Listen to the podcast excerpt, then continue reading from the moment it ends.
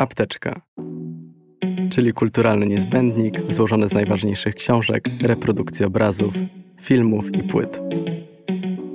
Moich rozmówców i rozmówczynie pytam o to, co przynosi im spokój, napędza do działania i ratuje w momentach kryzysu. Nazywam się Mateusz Ressler i zapraszam do słuchania cyklu. Mike Perkins Nadzieja w wyobrażonych światach.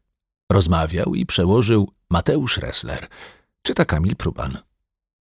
Komiksy są częścią mojej apteczki od najmłodszych lat. Ukształtowały moją wrażliwość i do dziś są dla mnie niekończącym się źródłem inspiracji. Niektóre historie czytam dla rozrywki, dają mi oddech od codzienności, inne kształtują mój charakter, przypominają o tym, kim jestem. W wieku siedmiu lat zacząłem kolekcjonować 2000 AD, brytyjski magazyn o tematyce science fiction. Po tylu latach co tydzień nadal wyczekuję każdego nowego wydania. Inaczej niż w amerykańskich komiksach, w jednym numerze znajduje się kilka różnych, krótkich opowieści. Z początku najwięcej uwagi poświęcałem szacie graficznej. Ilustracje w 2000 AD były znacznie bardziej figuratywne od tych, które ukazywały się w latach 70. i 80. w czasopismach za oceanem. Choć futurystyczne, w przedziwny sposób wydawały się niesamowicie realne, co oddziaływało na moją nastoletnią wyobraźnię. Uwielbiałem komiksy rysowane przez Briana Bolanda i Steve'a Dillona. To właśnie z ich stylu czerpałem, starając się odkryć swój własny. Oprócz ilustratorów inspirują mnie również pisarze i autorzy scenariuszy komiksów. Cenię twórczość Nila Gaimana, Alana Mura i Stephena Kinga. Pracę przy graficznej adaptacji powieści Bastion tego ostatniego uznaję za jedno z najbardziej formujących mnie doświadczeń zawodowych.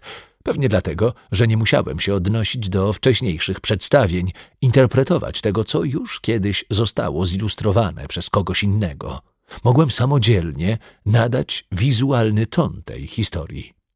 Wraz z lekturą scenariusza i kolejnym fantastycznym światem, który muszę zgłębić, za każdym razem uczę się na nowo opowiadać historię za pomocą obrazu. Nie porzucam przy tym swojego stylu. Zastanawiam się, jak mogę wykorzystać charakterystyczną dla mnie kreskę, by oddać wszystkie cechy, które czynią daną postać wyjątkową. Staram się zrozumieć każdego bohatera i bohaterkę. Czasem przychodzi to naturalnie.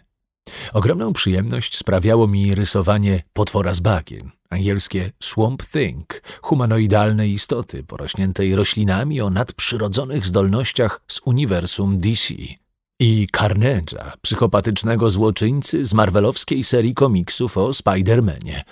Niektóre postaci, taką okazał się na przykład Kapitan Ameryka, są jednak nieco większym wyzwaniem.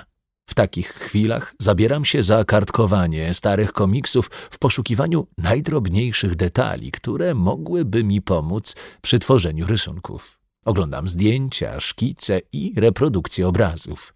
Cenne wskazówki uzyskuję też od innych twórców i twórczyń.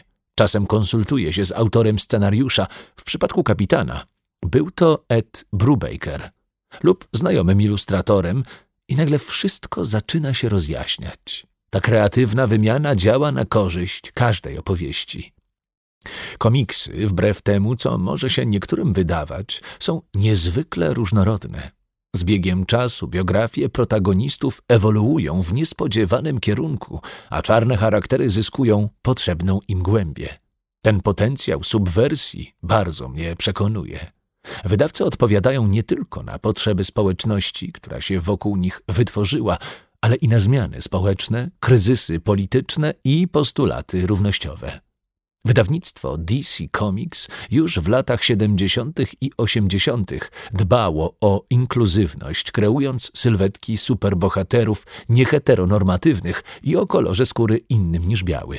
Wierzę, że te zmiany nie tylko ożywiają wspólnotę fanów, ale i uczą akceptacji, skłaniają do myślenia. Komiksy pokazują naszą rzeczywistość i problemy, z którymi się mierzymy przez pryzmat światów, w których wszystko może się zdarzyć. Wierzę, że czasem wystarczy wejść do takiego wyobrażonego świata, by odzyskać nadzieję. Tekst ukazał się w 66. numerze miesięcznika Pismo Magazyn Opinii. Czytał Kamil Pruban.